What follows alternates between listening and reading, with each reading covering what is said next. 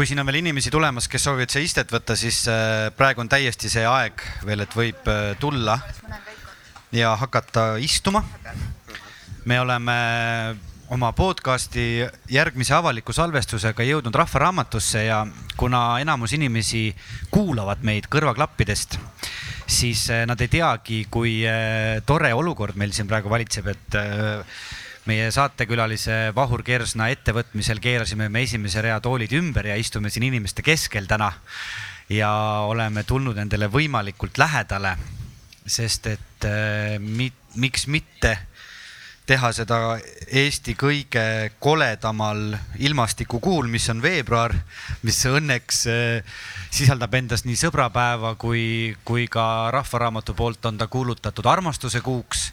et siis mõtlesime, et ähm, vestleme natukene armastuse teemal, sõpruse teemal, inimeste teemal, nagu me alati seda teeme. oleme endale külla kutsunud äh, Vahur Kersna ja nüüd ma annan sõna üle Elinale, torman ise korraks helipulti ja kuulan veel üle, kuidas meie helid töötavad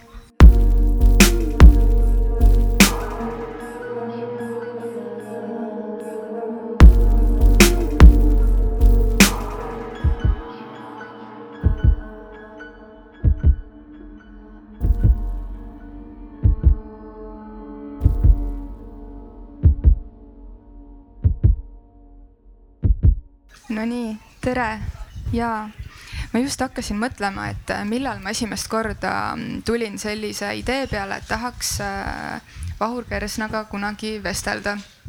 Ähm, ja võib-olla isegi seda kuidagi jäädvustada. ja ma helistasin küll sulle eelmise aasta lõpul, aga esimene kord, kui ma selle peale mõtlesin, oli umbes äh, üle kümne aasta tagasi. nii et päris tore, kuidas kuidas aeg ja ruum saavad õigel hetkel kokku. ja ma just mõtlesin ka selle peale, et Vahur, sina tavaliselt küsid inimestelt küsimusi. kui tihti sa üldse annad äh, loa selleks, et keegi saaks sinu käest küsida? mul ei ole midagi selle vastu, kui keegi küsib minu käest ja ma saan midagi rääkida, sest ähm, noh, me teame, et tänapäeval tegelikult on see suur häda terves maailmas, et rääkijaid on hästi palju, aga kuulajaid on väga vähe. ja mis äh, puudutab ka minu eduloosse võib-olla televisioonis, siis äh, seal ongi ainult üks väike saladus, et sa istud ja kuulad inimest ei ole vaja rääkida, ei pea kätega vehkima ega karglema üles-alla ja tegema nägusid ja olema huvitav. sa lihtsalt kuulad ja inimene räägib, räägib, räägib ja ühel hetkel on see väga huvitav, mis ta räägib. ja siis sa paned kõige huvitavama asja saatesse sisse ja ongi asi tehtud. aga see põhjus, äh, ütleme ausalt, kui me võiksime täna olla nagu ausad, et, et miks me tulime siia nii-öelda inimeste keskele, siin on uskumatult palju kuulajaid täna ja, ja kuna minu nägemine on selline udusevõitu, enamus siin saalis istujaid on väga ilusad tüdrukud siis äh, ma ei pea pingutama, ma näen ära natukene, ütleme niimoodi, sellist rõõmu ka selles koledas ilmas ja päevas. kas huvi teiste inimeste lugude vastu on midagi sellist, mis on sind kuidagi väiksest saadik saatnud? jah, tegelikult on jah. kui ma mõtlen tagasi, siis, siis äh, ma olen alati armastanud nagu inimesi jälgida ja, ja vaadata äh, kuidas nad käituvad, kuidas nad räägivad, mis nad teevad ja õnneks minu lapsepõlv möödus sellises keskkonnas, ühelt poolt väikelinnas ja teiselt poolt talus, külas, kus oli väga värvikaid tüüpe. ja jumal tänatud, kui ma kogu selle aja oleks istunud internetis või Facebookis või Youtube'is, siis ma teaksin väga palju kitarri mängivatest kängurutest, aga väga vähe inimestest ma ise ka uhkusega tunnistan seda, et ma olen provintsilinna tüdruk. sina oled sündinud Võrus. Äh, kas see Võru poiss on alati sinu sees olemas olnud või see kuidagi ühel hetkel pealinna kolimisega on muutunud? tegelikult ma sündisin küll Võrus, aga minu lapsepõlv möödus Antslas. et see on, see on palju hullem koht kui Võru, see on ikka nagu täisprovints et ähm, tagantjärele mõeldes oli see selline Nõukogude pullerbi, et tohutult hea keskkond äh, lapsele kasvamiseks sa võisid igale poole minna, igal pool mängida, sul ei olnud mingisuguseid ohtusid, ei olnud pätte, kaabakaid, narkomaane, joodikuid praktiliselt. meie linnas ei elanud mitte ühtegi venelast. Nõukogude ajal see oli noh, täiesti uskumatu. ja, ja ma olen väga rahul ja õnnelik, et see nii läks. Aga millal sa avastasid selle tunde või soovi või selle miski, mis kuidagi hakkas sind äh, tele poole kiskuma, et need lood algused, alguses küll läbi spordi äh, hakkasid sa suhtlema inimestega läbi telekanali, aga just äh, see tunne ja teadmine, et, et neid inimeste lugusid jälgijana võiks edastada rahvale läbi erinevate saadete, sarjade. Minu isa oli koolidirektor ja eh, kehalise kasvatuse õpetaja ning treener. ja, ja minu lapsepõlv suures osas möödus staadionil või võimlas. no ikkagi väga-väga, noh, ei olnud Antslas kuhugile mujale minna, kas läksid kinno või läksid võimlasse. muud variante ei olnud ja ühel hetkel oli nagu selge, et kuigi ma tegin iga päev trenni, minust sportlast ei saa, mul ei ole annet piisavalt ja seitsmendas klassis juhtus niimoodi, et oli selline saade nagu TV10 olümpiastarti. Ja ma, neil oli seal selline, selline nagu nagu mingi see teoreetiline osa, et esitati mingi küsimused ja siis lapsed kirjutasid, et noh, et Ants Antson, et mida ta tegi enne ja pa-pa-pa-pa ja ma kirjutasin ka mingisuguse loo kokku ja saatsin ära. Ja mind kutsuti televisiooni seitsmendas klassis Antslast see oli midagi täiesti noh, see oli niimoodi, umbes niimoodi, nagu sa oleksid sattunud kuu peale ja ma mäletan sellest päevast detailselt praktiliselt kõike, kuidas me Pihkva rongiga öö läbi isaga sõitsime linna, jõudsime kell kuus kohale, läksime Pärli kohvikusse, sõime seal moorapead ja siis läksime telemajja ja kell üksteist algas see saade. Toomas Uba oli saatejuht ja, ja siis ta lasi mängida meil mingit kübaramängu, mida ta oli toonud kuskilt Falunist ja kõik see kokku kestis võib-olla kaks minutit. aga ma nägin seal fuajees istudes Valdo Panti. see oli pool aastat enne tema surma. ta läks lihtsalt mul selja tagant mööda, ma nägin seda peeglist ja see on jälle niimoodi detailselt, see pilt on mul selg, silmade ees. ja kui ma tulin koju ja selgus, et terve linna peale ainult üks poiss oli näinud seda saadet, siis see absoluutselt mind ei morgendanud. ma teadsin, et sinna majja lähen ma tagasi, moel või teisel see on minu saatus. kas see oli esimene armumine?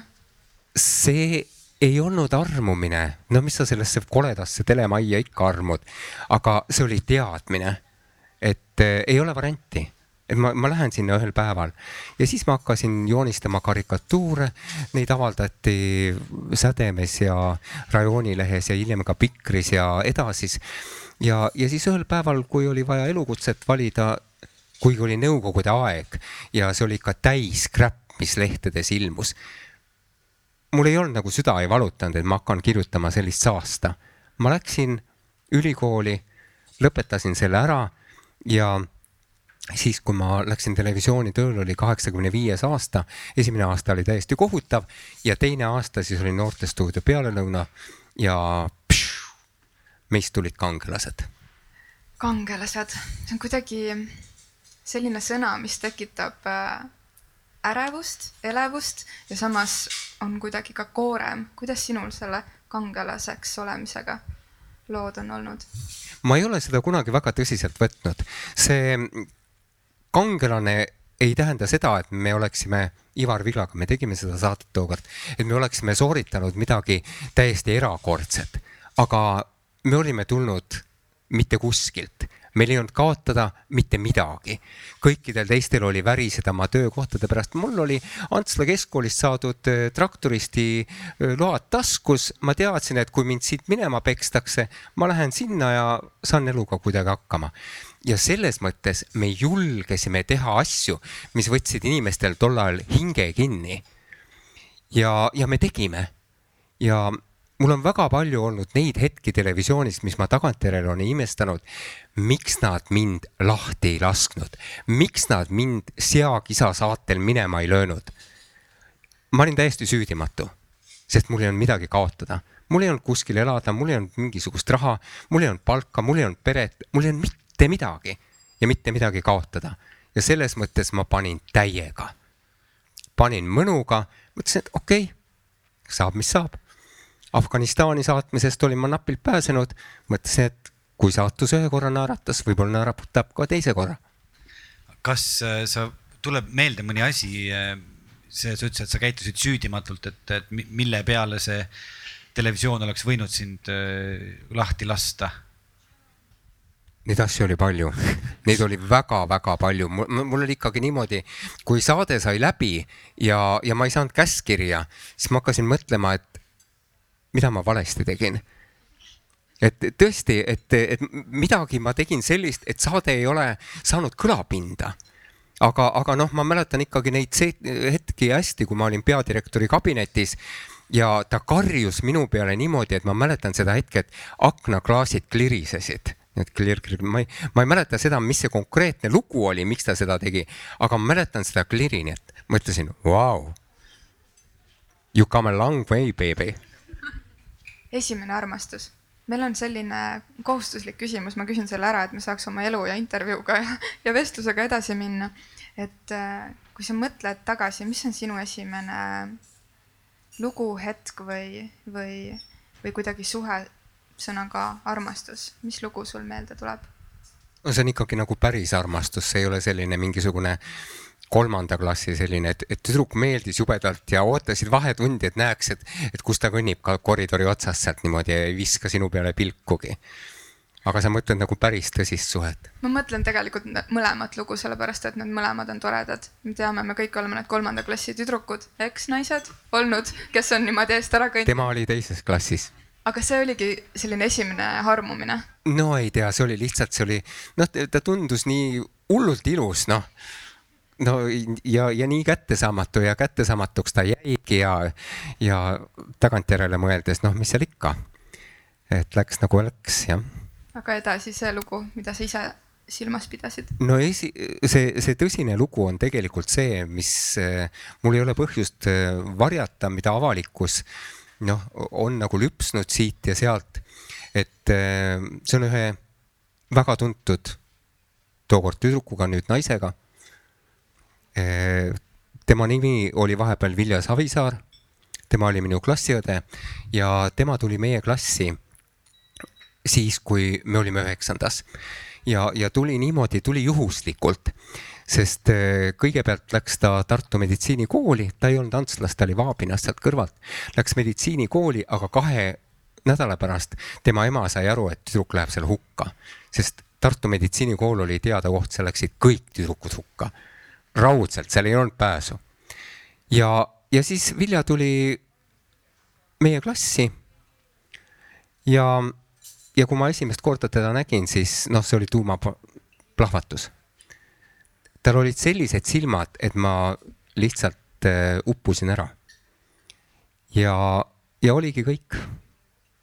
nii ta läks.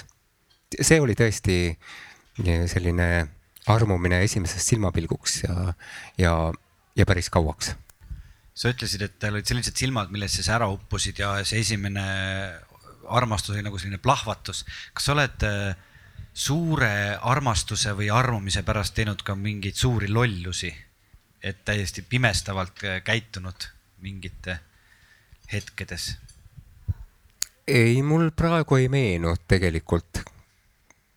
jah, ma olen selline suhteliselt jalad maas inimene, et, et elu ei ole andnud mulle võimalust selliseid hullusi teha, sooritada, ei ole ka nagu vajadust olnud. et ähm, et ma olen seda meelt, et, et noh, see armastus on ikkagi nagu kahepoolne suhe. Et sa ei pea ennast kringliks keerama, kui, kui tahad midagi tõestada, et, et kui sealt teiste silmadest ikkagi midagi sulle vastu ei helgi, noh, siis ei ole mõtet ponnistada. noh, las läheb, asjad on nagu trammid, üks läheb ära, tuleb teine. ma arvan, et ühe isiku äh ühe isiku jaoks on see väga tervislik mõtteviis, aga kui ma nüüd nende isikute taha vaatan inimesi ja oma sõpru ja, ja mingisuguseid lugusid maailmas, siis alati on need, need äh, kuidagi, et jääd seda ühte trammi ootama ja sellest on kirjutatud lugusid, laule, maalitud, et mis sa arvad, mis, mis selles igatsuses on midagi sellist, millest me lahti ei taha lasta, kuigi sa just ise ütlesid, et tuleb lihtsalt järgmist trammi oodata nojah, seda on lihtne öelda, aga väga raske teha, et küll ma mäletan ka, et ikkagi poolteist aastat oli ikka olukord väga nutune, kui see asi laiali läks. aga üks asi, mida ma Urmas Otist kirjutatud raamatust, raamatut kirjutades õppisin, oli see, et ähm, lõppude lõpuks ükskõik, mis su elus juhtub, ükskõik kui traagiline kui halb see paistab sel hetkel, siis mõne aja pärast see ei pruugi enam niimoodi olla. kui Urmas visati esimesel kursusel kevadel lavakast välja, siis oli see tema jaoks tohutu tragöödia. temaga koos visati välja veel kaks poissi. üks nendest sattus hullumajja, teine hüppas rongi ette. Urmas jäi ellu ja tagantjärele vaadates oli see väga hea, väga õnn, väga vedamine, et Eesti sai endale sellise telesaatejuhi ja mitte, ma ei tea, keskpärase näitleja või sellise lavastaja. Need inimesed, keda sa oled elu jooksul portreteerinud, mille järgi sa nad valinud oled? kas, kas nad on sinuga kuidagi sarnased olnud? no vähemalt äh viimased paarkümmend aastat ma arvan küll, et see, see kõige olulisem minu jaoks on olnud see, et, et ma pean sellest inimesest lugu. Ja loomulikult, et see inimene on huvitav.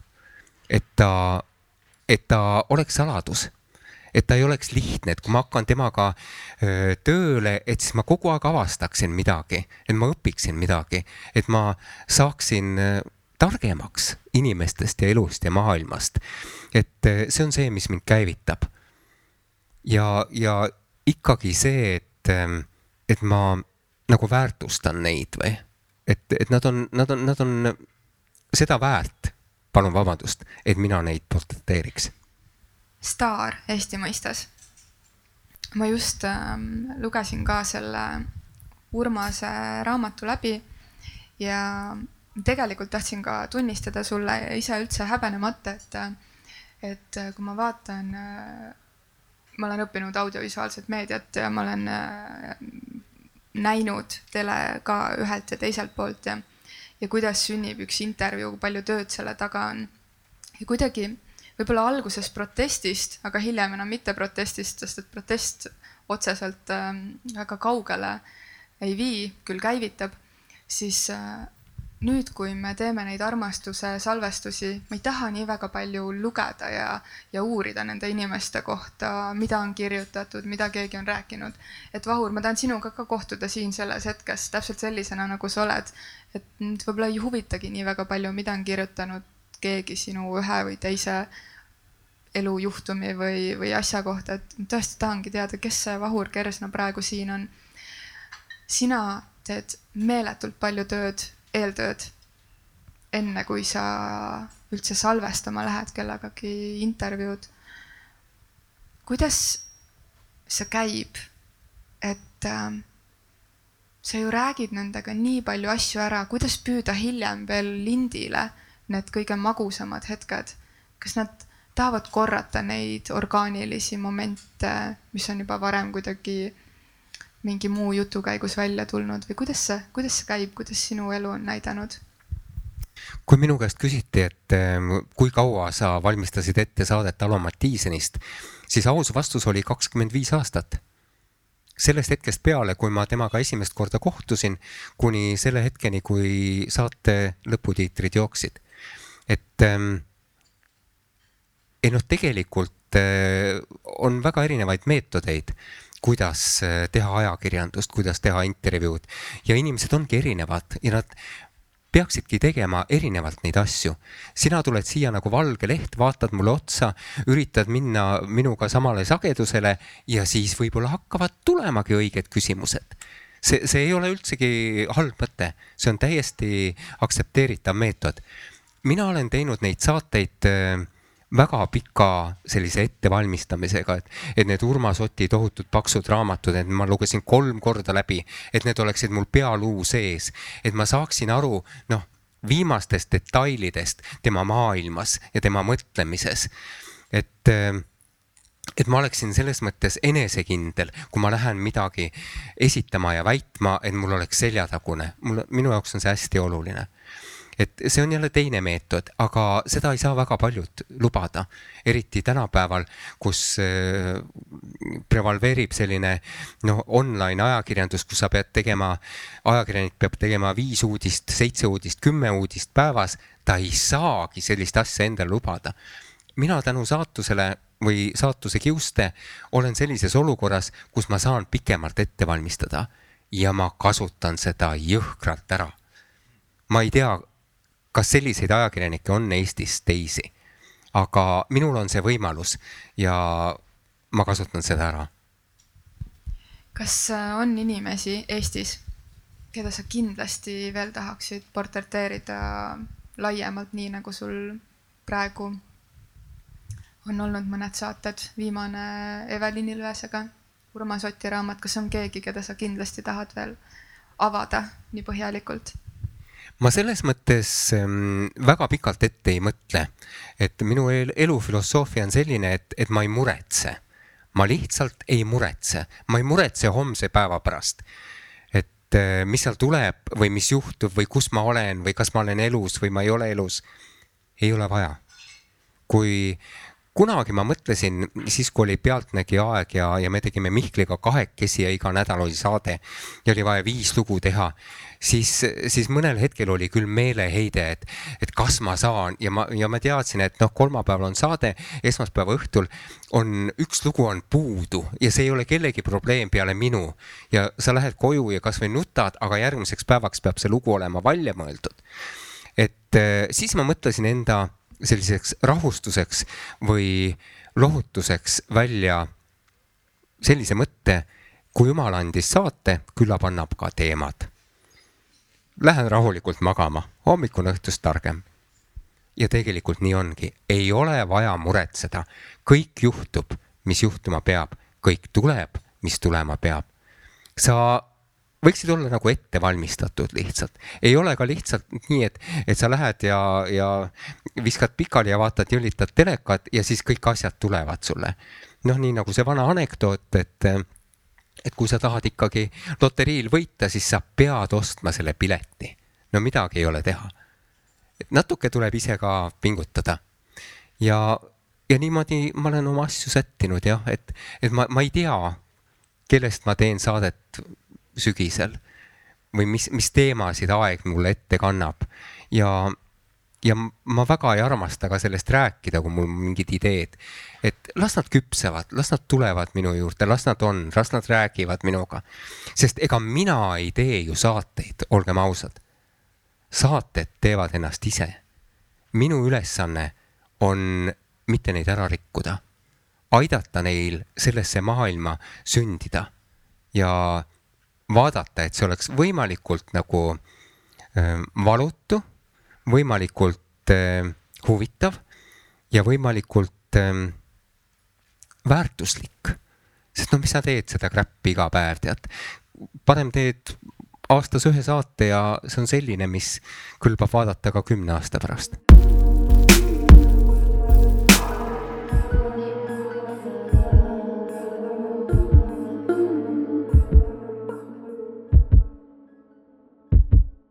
sina, Vahur, oled äh, rääkinud väga paljude Eesti inimestega. kas see müüt äh, vastab tõele, et Eesti inimene ei taha armastusest rääkida? no Maire Aunaste tegi ju terve suure saatesarja, et mehed räägivad armastusest ja vahuta tsitaadid, nii et vähe ei olnud, tead. kui inimene tahab rääkida, tegelikult ei ole nii, et ei taha. kui sa annad talle võimaluse ja ei sega teda, läheb nii, et vähe ei ole ja pole vahet, mis on küsimus? no tegelikult natukene on jah, et ega, ega igaüks nagu igast asjast ei räägi ka. aga inimesed äh, on siiski suhteliselt äh, avatud rääkima teinekord ka üsna ootamatutest asjadest. televisioon, kas sinu puhul, kui ma kasutan sõna televisioon, kas ma peaksin kasutama sõna Eesti Televisioon, kas Eesti Televisioon on sinu armastus? No televisiooni ei ole vaja armastada, see on üks, see on üks selline koht, mis äh, lihtsalt sööb oma lapsi, sööb inimesi, sööb, sööb nende hinge, sööb nende aega, sööb nende mm, närve, päevi ja öid ja on väga tänamatu. et kui te töötate televisioonis, siis äh, ei ole väga loota mingit tänu, et keegi tuleb ja ütleb, patsutab sulle õla peale, ütleb, et jube hea saade ja jube hästi teed ja se seda juhtub väga-väga-väga harva. ja siis pead ka alati mõtlema, et mida ta tahab nüüd minu käest saada. et ähm, televisioon on suhteliselt julm koht, aga kogu see maailm on üsna julm koht kõik need koolid ja haiglad ja teatrid ja ega, ega need ei ole midagi lihtsamad kohad, seal on samamoodi intriigid ja, ja käib võitlus ja noa selga löömine, poliitikast ma üldse ei räägi. see on ikka, see on ikkagi veel jubedam, ma kujutan ette, kui televisioon. et kui televisioonis sa oled suutnud ennast ümbritseda hea meeskonnaga, sellisega, keda sa võid usaldada, siis on seal töötamine muidugi väga suur nauding. ja kui sa saad millegagi hakkama, mis sulle endale tundub, et on vau wow,, siis, ehm, siis see teeb rõõmu no,. nagu iga teine töögi, kui sa küpsetad väga hea koogi, siis sellest on rõõm ja kirjutad väga hea raamatu, siis see on ka rõõm ju või sümfoonia või. et televisioon on ka looming tegelikult. Need inimesed, kes seal on, on jube õrnad Ehm, enamus seal ei pea väga kaua vastu, nad saavad aru, et see on üks inimsööjate pesa. ja kui sa oled seal vastu pidanud kolmkümmend aastat, siis see on ikkagi päris kõva näitaja. kui sa teed saate, kas sinu puhul on kriteerium, et see peab tulema välja Eesti Televisioonis? no senimaani on see nii olnud et.... sellepärast ma küsingi ja ei, ausalt öelda vaatajal on suhteliselt ükskõik, kas Katrin Lust on TV3-s või Kanal kahes, et kumma, kumma klahvi alt ta tuleb ja. aga Vahur Kersna? no ma arvan, no see lihtsalt on niimoodi, ma arvan, et ükski kommertstelevisioon ei taha mind, sest ega ma ei ole kommertsiaalselt no vähemalt viimasel ajal selline asi, mis oleks väga edukas. et tänapäeval ikkagi televisioon on see, mida teeb paljas porgand, et see ei maksa mitte midagi ja ma ei tea, kas ta sisse toob ka midagi, aga noh, see lootus neil on, võib-olla on see naiivne, aga, aga, aga sinna suunas see liikumine praegu on. et mina üritan praegu küüned ja hambad vastu sellele töötada, näidata, et televisioon oma parimas võib olla kunst, võib olla jääv väärtus, võib olla esteetiliselt ja ka mõtteliselt selline asi, mida ei peaks pidama aja raiskamiseks mina pidasin äh, ETV-s vastu seitse aastat ja, ja nende viimaste aastate jooksul sa kirjutasid päris palju kriitilisi artikleid ka Eesti Televisiooni kohta. ja nüüd viimaste päevade jooksul seda Urmase raamatut lugedes ma kuidagi nagu sukeldusin tagasi sinna ETV katakomb äh, koridoridesse ja, ja mingitesse võib-olla tunnetesse või hetkedesse, millest ma ise ka seal läbi läksin ja ma mõtlesin, et, et ma juba toona kuidagi imetlesin äh, sinus seda, et sa ei proovinud kellelegi meeldida, et sa olid alati sina ja, ja Urmase puhul äh, oli ka midagi sarnast. ja siis mulle tundus, et, äh, et see, et sa seal ikkagi veel saateid teed omas tempos, omade reeglitega. et see ikkagi on mingisugune armastus. mingisugune selline armastus, kus, kus mõnikord on valus ja mõnikord tahaks nagu lüüa, aga et see on, see on tõsi jah, ega seda tööd, ükskõik mis tööd hästi tehes ei hästi, et, et seda hästi teha, sa ei saa teha seda nii, et sa seda ei armastaks. mitte, et sa armastaksid ennast televisioonis, vaid et sa armastad televisiooni ja seda, mis võimalusi ta sulle pakub, mis lugusid rääkida, mis mõtteid esitada inimestele. sest ikkagi nagu usud, et kuskil on veel selliseid inimesi, kes ei toitu ainult klikimeediast, vaid äh, kelle jaoks needsamad asjad, mis sinu jaoks on tähtsad, on ka tähtsad ja huvitavad. Ja, ja sa nagu vestled nendega. Ja, ja siis tuleb tänava peal keegi vastu, ütleb oi, teate, see oli nii, siis sa mõtled, et noh, see oli, see läks kõik asja ette ja Urmase raamatu pealkiri oli ju päris jõuline, väga paljud inimesed ei ostnud seda raamatut, ma arvestasin sellega, selle pealkirja pärast. kes tappis Urmas Otti? sest see küsimus on minu jaoks väga selge, terav, jõuline ja, ja ma mõtlen seda tõsiselt. ja peale neid ähm, pikki mõtisklusi on minu jaoks kaks asja nagu välja settinud, kes või mis tappis Urmas Oti. üks oli see, et ta pööraselt armastas televisiooni ja tema jaoks oli see nagu õhk, see saadete tegemine. ja tema jaoks oli millegipärast ka väga tähtis see, et see toimuks Eesti Televisioonis. ja kui ta sealt minema löödi, no raamatus ma kirjeldan, kuidas see kõik juhtus, siis see oli tema jaoks hästi kõva löök ja sellest ta ei toibunudki lõpuni. ja teine asi, minu arvates veel tähtsam, mis tappis Urmase, oli armastuse puudus. tegelikult armastusest loobumine. selles raamatus on esimest korda avaldatud avalikkuses selle neiu naise või tütarlapse pilt ja nimi, kes oli tema eluarmastus kui ta suri, siis ilmus igalt poolt välja väga palju naisi, kes väitsid, et mina olin Urmas eluarmastus ja ma olen näinud neid Vene dokumentaale, kus esinevad täiesti tundmatud võõrad tüübid, kes räägivad oot-oot-oot-oot-oot-oot, et kõik, kuidas neil Urmasega oli ja, ja väidavad, et nad olid Urmase eluarmastus. aga tegelikult oli see üks, kelle kohta Urmas on öelnud, et ta tahtis temaga meeletult abielluda. aga sel hetkel, kui kui see oli võimalik, ei olnud tal korterit, ei olnud tal karjääri, ei olnud tal raha, ei olnud tal mitte midagi. ja ta, ta loobus sellest, ta arvas, et ma pean selle kõik esialgu ehitama ja siis ma võin lubada endale seda.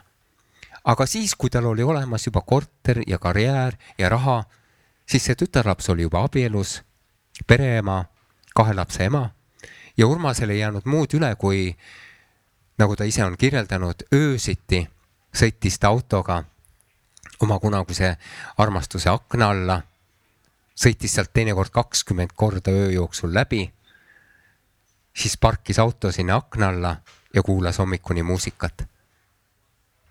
oma elu päris viimastel hetkedel on Urmas tunnistanud, et ta kahetses, ta kahetses seda loobumist.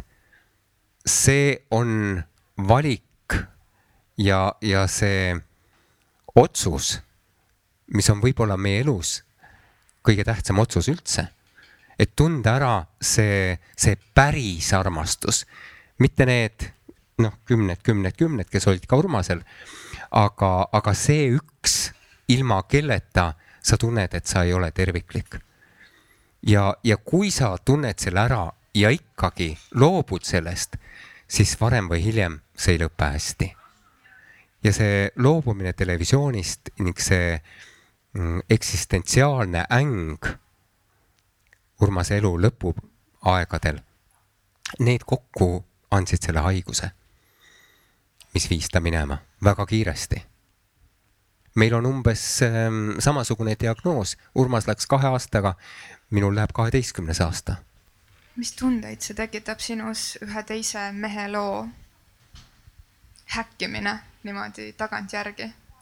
no kuna see on äh, minu enda eluga väga palju seotud, kuna me oleme tegutsenud üsna sarnases valdkonnas ikkagi, noh, tema saated olid küll võib-olla ühesugused, mina, mina olen teinud väga erinevaid saateid, siis äh, loomulikult see kõnetab mind. ma mõistan teda võib-olla rohkem ja paremini kui väga paljud teised ma, ma tean seda tunnet, mis, mis on sul sees, kui otsesaateni on kolmkümmend sekundit ja, ja sul kõik peas pöörleb ja sa mõtled issand, mis oli see esimene asi, mis oli see esimene küsimus, mis oli see esimene lause ja sul on kolmkümmend sekundit aega ja sul ei ole ühtegi paberit, sest paberid on nõrkadele. ja siis süttib punane tuli ja sa lähed. et ähm, see, see on kogemus, see on täiesti teistsugune kogemus ja, ja väga paljudel tekib sellest äh, selline nagu sõltuvus. ma kujutan ette näiteks, et äh, Marko Reikopil on eetrisõltuvus. et kui temalt eeter ära võtta, siis äh, ma ei tea, mis temaga juhtub.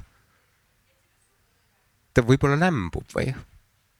see, see on niimoodi, et, et see eeter muutub sinu jaoks väga tähtsaks. no mis ei ole ka ime, et kui, kui sa ei ole ühel päeval enam eetris, siis tundub, et ähm, elu on mõttetu väga paljud teleinimesed on seda tunnistanud ja seda kogenud.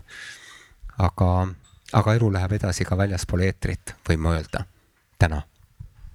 kas sa usud sellesse, et, et meie oma mõtetega saame mõjutada kõike, kas seda äh, millises äh, füüsilises või vaimses seisus me oleme ja ma mõtlen just selle Urmase loo peale, et äh, kas see, et ta jäi kinni sellesse et ta ETV-sse tagasi ei jõudnud, kas see, et ta jäi kinni sellesse naisesse, kes, kes ei olnud enam tema.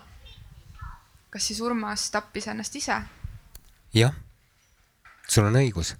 see mõte on mul käinud peast läbi rohkem kui sada korda.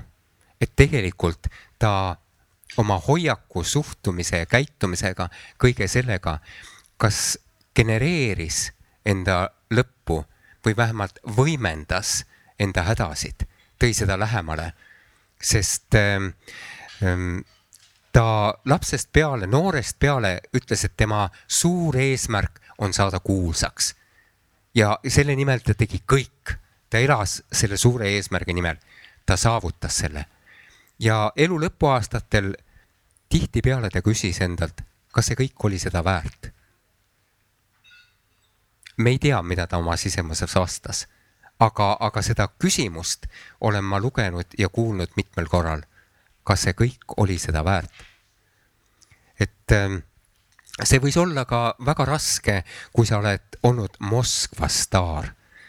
sul on kümned miljonid, kes jumaldavad sind, kes on valmis ükskõik milleks, sa oled Valges ülikolas nende ees, sa intervjueerid Mihhail Gorbatšovi ja siis ühel päeval on see läbi. Sa tuled tagasi Eestisse, mis on nii pisike, mis on nii väike ja nii väiklane. kui te loete tolleaegseid neid arvustusi Urmase saadete kohta, neid artikleid, siis teda mõnitati, sõimati ja alandati mõnuga ja väga palju. väga vähe oli neid, kes ütlesid tema kohta mõne hea sõna. mehele, kes oli teinud Eesti tuntuks üle terve Nõukogude Liidu kes oli Eestist jätnud mulje kui sellisest riigist, kus elavad elegantsed, ilusad, hästi riides, lõhnastatud, huvitavad inimesed. keegi ei olnud talle selle eest tänulik. ta sai niimoodi, et vähe ei olnud eest ja tagant. Ja siis sa tuled ja hakkad siin saateid tegema. teed ühe aasta, teise aasta, kolmanda aasta, aga selles pisikeses Eestis ei ole tegelikult nii palju seda materjali, kes oleksid väärt temaga saadet jagama. kahjuks. iga nädal oli saade, iga nädal vaataja ootas uut tsirkust, ootas uut etendust. Ja, ja kui see kolmas kord nagu tundus, et küsimused korduvad, siis hakkas kohe virisema. miks ei ole nii, ta on maha käinud, ta on väsinud, ta ei ole enam see. ja see on tegelikult väga julm. televisioon ongi väga julm. ja ja ma arvan, et Urmas nagu ühel hetkel väsis selle kätte, kui ta oli viis aastat teinud carte blanche'i ja ta läks Toomas Lepaga tülli, siis see tüli oli, ma usun, et välja kistud. et Urmas kiskus selle välja, et oleks mingisugune plahvatus, et oleks mingisugune lahendus ja mitte kedagi ei olnud ümber, kes oleks öelnud talle, kuule, mees, istu nüüd maha, mine nüüd puhka, käi jaluta mererannal sõida kuhugile Palmisaarele, tee midagi, ole pool aastat eemal, kirjuta raamatut, loe luuletusi. Puhka ennast välja ja oota, kui mõtted tulevad sinu juurde. sellist inimest Urmasel ei olnud ja televisioonis ei olnud mitte kedagi, kes oleks talle seda öelnud. kõik ütlesid, ahah, noh, selge, kui läinud, siis läinud, jah, tšau-tšau. Nad ei saanud aru, kellega on tegu. tegu on staariga, ainukese staariga tegelikult, kes läbi aegade Eesti Televisioonis on olnud. ja staaride puhul tuleb mõned asjad alla neelata, ära seedida. on siis kahju või? no ta tuleb ja pläkutab ja midagi ja, ja ülbitseb natukene, no las ta teeb seda, noh, kuula ära. ja elu läheb edasi. aga, aga nad ei suutnud. Toomas Lepp on näiteks äh, mind äh, visanud telefoniga lauatelefoniga, tol ajal ei olnud veel mobiile võttis beeži lauatelefoni ja me vaidlesime mingil teemal ja ühel hetkel ma vaatan, et võtabki telefoni ja telefon lendab minu poole. ma ei jäänud muidugi ootama, kuna see mind tabab, ma tõmbasin natukene kõrvale, see läks vastu seina. ma läksin toast välja, mõtlesin, et soo, mis nüüd siis saab. kahe minuti pärast tuli lepp toast välja ja rääkis minuga nii, nagu poleks midagi juhtunud aga me teadsime, et lepp ongi selline, ta on his, pooleldi hispaanlane, tema isa oli hispaanlane, ta ongi selline äkiline ja noh, las ta olla, inimesed on erinevad. ja me saame tänase päevani, me aeg-ajalt tülitseme niimoodi mõnusasti ja, ja, ja ta sõimab mind kuskil Õhtulehes jälle niimoodi ennast unustavalt. aga ta on Toomas Lepp, ma annan talle kõik andeks. nii nagu tema annab mulle andeks. ja kui me kokku saame, siis me räägime väga sõbralikult jälle võimalik ainult Eestis. Mul on tunne, Vahur, et see Urmase loo läbitöötamine on kuidagi väga oluline olnud võib-olla sul mingis osas iseenda tundma õppimiseks. ja kindlasti on sul õigus, nii see on jah, enda mõistmiseks see oli päris pikk samm edasi. ja kuna sa ise ütlesid seda, et, et teda enam ei ole, aga sina oled siis mul on tunne, et see, see töö, mis sa oled teinud iseendaga, äh, võib-olla mõistes paremini Urmast ja seeläbi ennast, ongi kuidagi aidanud sul äh, ellu jääda. et see mingisugune minna laskmine või mingi, mingi eluterve selline vaatame, mis saab, on kuidagi äh, tervislik ma selles mõttes usaldan saatust, et äh, kui tal on plaanid minuga, kui ta annab mulle päevi, küllap ta annab ka sisu nende päevade täitmiseks ja äh, ei ole tarvis olla hädas. samamoodi nagu mind ei ole võimalik äh, solvata, sest ma ei solvu. mind ei ole võimalik vihastada, sest ma ei vihastu ja ongi kõik, te võite üritada nii palju, kui tahate, ei ole võimalik. ja palju lihtsam on elada. kui, kui kellelgi on tahtmist midagi, nagu mulle öelda, noh, selle Evelini saate peale, selle peale tuli ka paras laviin igasugust sõimu ma ei viitsinud ei kuulata ega lugeda seda. sa kehitad õlgu, mõtled, ah soo, ja lähed edasi, sest ma tean, mis ma väärt olen. ma tean, mis ma teha tahan ja ma tean, milleks ma olen võimeline ja milleks ma ei ole. ja ma annan endast parima, et ennast äh, realiseerida. ja loomulikult äh, ma kuulan, aga ma kuulan tarku inimesi. ja selle saab väga ruttu aru, kas tegu on mingi plähvertisega või, või, või, või sealt tuleb ka midagi, mida kõrva taha panna. et ei ole mõtet aega raisata nagu äh, ullikeste peale ela oma elu. ja see on kõige tähtsam. saa aru, milleks sa siia maailma oled tulnud ja realiseeri oma saatus. kui see jääb tegemata, siis on pärast on nagu jama. tee ära need asjad, mis on vaja teha see on mingi selline koht, et äh, nüüd tahaks, nüüd tahaks kümmelda selles äh, tundes. et, äh, et see on mingi selline soovitus, mida me sellel hetkel, kui me oleme voos, räägime midagi ja siis tahamegi jagada inimestega, kes meile korda lähevad. sina jagasid seda siin täiesti võõraste inimestega. ja ma tahakski nendelt täiesti võõrastelt, peaaegu kõigilt täiesti võõrastelt küsida, et kas kellelgi on mingi küsimus tekkinud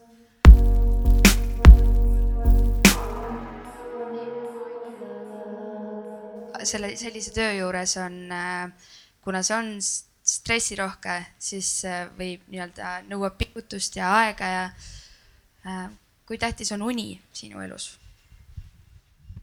no just Jaan Aruga tegin intervjuu järgmise saate tarvis, kes on Eesti selline tuntum mm, ajuuurija ja meie rääkisime küll sellest nutineedusest, aga noh, tema räägib seda, et uni on üldse kõige tähtsam asi et te võite jätta kõrvale kõik need kapsalehtede närimise ja, ja seitse tundi päevas trenni, aga magage korralikult.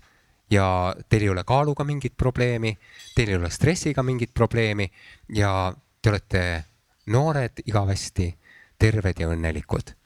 nii et ähm, et see on, see on ka üks see asi, et kui ma vaatan hommikul meie last, et ta läheb kooli seal pimedas ja läbi selle lörtsi, siis noh, mul süda tilgub verd. noh, ei tohiks nii vara lapsi ajada välja õue tuisu ja, ja pimeda kätte. et, et selles osas me oleme nädalavahetustel lasknud tal nii kaua magada, jumala eest, kui vähegi saab, kasvõi kella üheni-kaheni, magagu ennast välja et ähm, uni on väga tähtis. kuhu sa reisisid esimene kord oma elus? mis oli selline sinu enda korraldatud, mitte niivõrd mitte koolireis ega, vaid just see sihtkoht, kuhu sa kindlasti teadsid, et sa tahad minna? Õnneks oli minu lapsepõlv selline, et äh, ma sain Antsla kohta väga palju reisida. et äh, minu isa käis kursustel Moskvas näiteks, võttis mind kaasa olin kümneaastasena Moskvas ja, ja see oli tohutu elamus.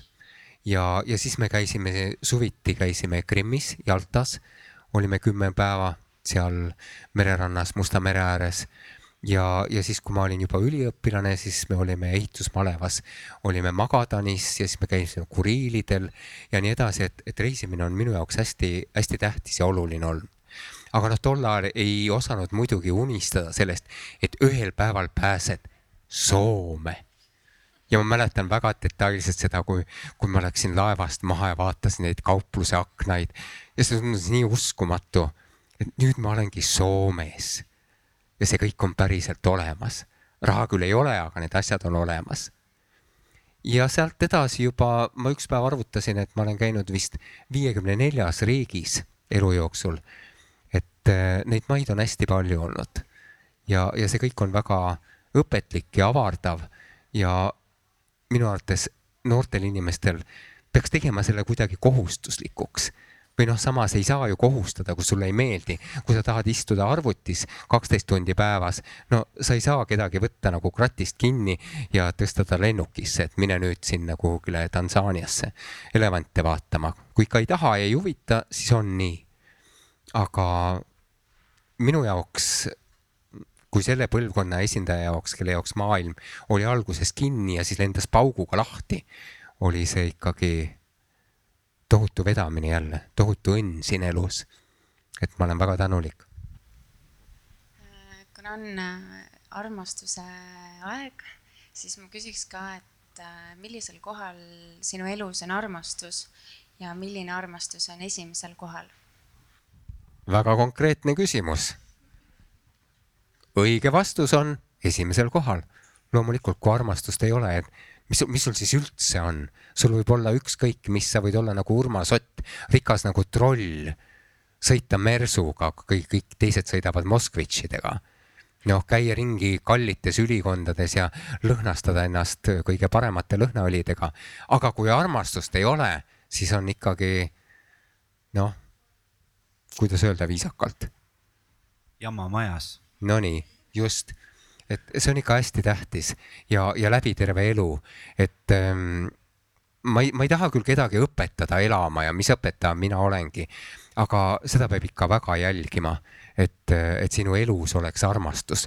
ma ei mõtle seda passiooni, seda kirge, tead, mis tuleb ja siis, siis kuidagi läheb äh, nagu leebemaks. et äh, armastus on ju natukene teistsugune asi. et äh, seda peab jälgima, et see armastus on sinu elus ja kui see kaob mingil põhjusel, neid põhjuseid sadu, siis laske jalga siis minge otsima. siis võtke kott selga ja minge otsige iga päev ilma armastuseta. ükskõik, mis kujul see armastus on. on see kirg, on see selline mm, sõbralik suhe, ükskõik mis, iga päev ilma armastuseta on mõttetult elatud päev. see hoiab meid elus, see hoiab meie elule mm, leeki all ja elule mõtet see on, see on siiski kõige tähtsam tõesti, jah. ma tahaks ka kümmelda sellest tundest praegu, mis viimane, viimane mõte tekitas, aga ma räägin ühe loo ja siis ma küsin kaks äh, esialgu üldse mitte üksteisesse puutuvat küsimust, aga minu jaoks väga tähenduslikult seotud. lugu on selline, et ma just äh, mõned päevad tagasi kolisin tagasi koju. Äh, ma olin kaks aastat ära ja see viimane talv oli väga-väga keeruline aeg ja, ja siis ma hakkasin abi otsima, lihtsalt kuulasin podcast'e natuke emakeeles ja, ja üks podcast oligi armastusest ja et kõndisin mööda Kopenhaageni tänavaid ja, ja üle sildade ja kuulasin ja kuulasin ja, ja hästi hea tunne tuli sisse. ja täna jalutasin lihtsalt Viru keskusesse ja nägin seda silti ja siis astusin nüüd viimase viie minuti, viimase minuti jooksul nagu saabusin ja minu jaoks ongi nagu imeline hetk ja, ja siit minu kaks küsimust.